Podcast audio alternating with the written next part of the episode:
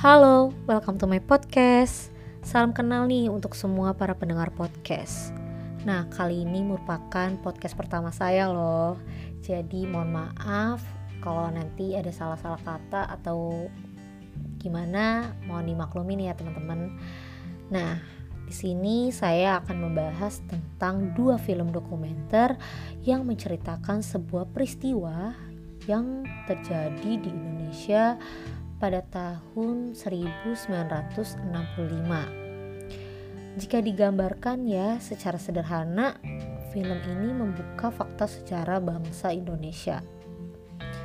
Film dokumenter yang pertama berjudul Senyap, The Look of Silence yang disutradarai oleh Joshua Oppenheimer. Film ini berdurasi selama satu setengah jam. Dan film yang kedua berjudul Road to Justice State Crimes After October 1st, 1965. Ya, menurut saya dua film dokumenter ini sangat menarik untuk dibahas karena film ini mengangkat sejarah yang terjadi di Indonesia selama satu tahun di tahun 1965 sampai 1966. Di film ini menceritakan tentang pembunuhan massal yang sangat sadis pada tahun tersebut.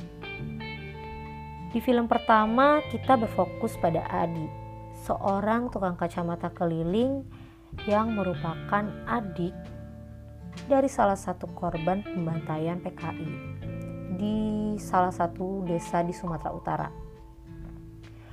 Di film ini juga menunjukkan ada beberapa adegan di mana Adi ini menemui dan menghadapi para pelaku pembunuh dan salah satu pemimpin komando aksi tersebut.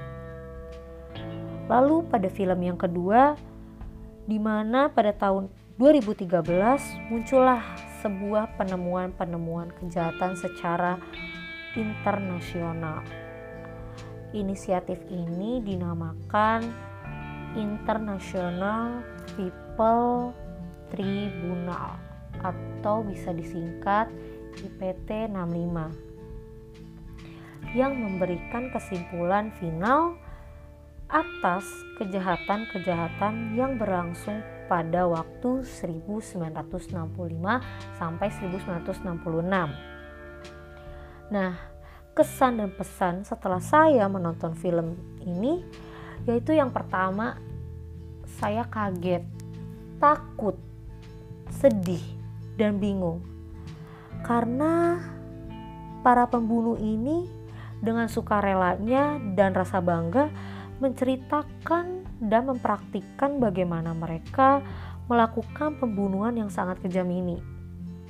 Dan itu ditonton oleh keluarga korban. Dan yang paling sedihnya lagi, keluarga korban harus hidup berdampingan dengan para pelaku pembunuh ini. Kayak gimana ya? Pasti punya trauma kan? keluarganya ada yang dibunuh lalu kita masih harus hidup bersama para pelaku pembunuh ini sumpah nggak bisa dibayangin lagi sih nah yang ada di pikiran saya juga kenapa para pembunuh dan oknum yang bertanggung jawab atas pelanggaran HAM ini masih sangat nyaman hidup dengan kejahatan mereka di masa lalu dan kenapa pemerintah di Indonesia ini tidak memberikan hukuman atau sanksi kepada para pelaku ini? Ya karena kan gimana ya? Ini sudah menyangkut nyawa hak asasi hak asasi manusianya. Kenapa tidak diadili pada saat itu? Nah, selain itu juga dalam pandangan saya mengenai wacana keamanan dominan di sini merupakan wacana hak asasi manusia. Terlepas Indonesia dari rezim otoriter Orde Baru menuntut pada perkembangan nilai-nilai hak asasi manusia dan prinsip demokrasi di Indonesia.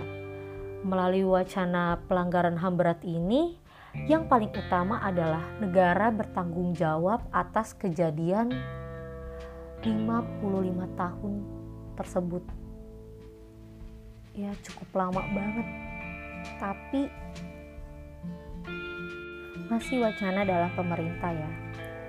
Nah, contoh dari wacana ini juga adalah putusan final IPT 65 yang memfonis negara bersalah dan bertanggung jawab atas pembunuhan, penjarahan, perbudakan, lalu penyiksaan, penghilangan paksa, kekerasan seksual, propaganda, dan genosida. Dan kemudian analisis wacana alternatif di sini yaitu para pelaku pembunuhan merasa tidak sama sekali merasa bersalah karena bagi mereka ini adalah masalah yang kecil.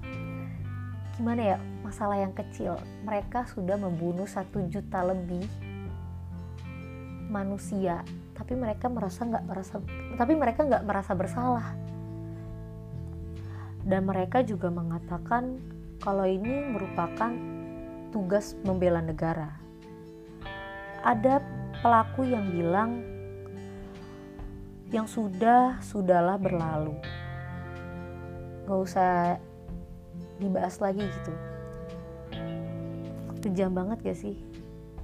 Nah, apa yang ada di pikiran saya ini juga seharusnya pemerintah terlebih dahulu memutuskan kasus-kasus pelanggaran HAM berat yang di masa lalu dan menuntaskan kasus-kasus tersebut.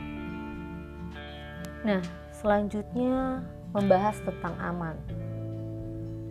Aman itu di mana ya kita bebas dari bahaya, gangguan, kita merasa terlindungi dan tentram. Kita nggak merasa takut ataupun khawatir dari ancaman apa pun Menurut saya, rasa aman ini merupakan sesuatu hal yang sangat mahal di negeri ini. Setiap masyarakat mempunyai hak atas aman untuk menjamin perlindungannya.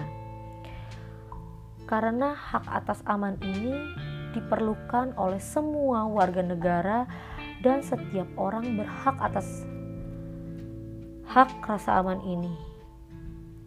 Nah, ah, atas aman ini juga pastinya kita membutuhkan dari semua pihak. Yang mulai TNI, Polri, mereka harus melindungi para warga-warganya juga. Dan kita pun dan yang lain harus kita bekerja sama menciptakan rasa aman ini untuk negeri ini. Dan yang patut kita ingat di sini adalah sesuatu pembantaian ataupun pembunuhan ini merupakan sesuatu hal yang salah dan jahat. Dan kita harus mengetahui sejarah dan peristiwa yang sesungguhnya terjadi. Jangan sampai kita menerima begitu saja informasi yang kita tidak pahami sama sekali. Yang saya harapkan di sini semoga pemerintah dapat menyelesaikan kasus-kasus pelanggaran HAM dengan sebaik-baiknya dan seadil-adilnya. Nah, itu saja yang bisa yang bisa saya bahas dan sampaikan kepada kalian. Kurang lebihnya mohon maaf. Sampai ketemu di podcast selanjutnya. See you.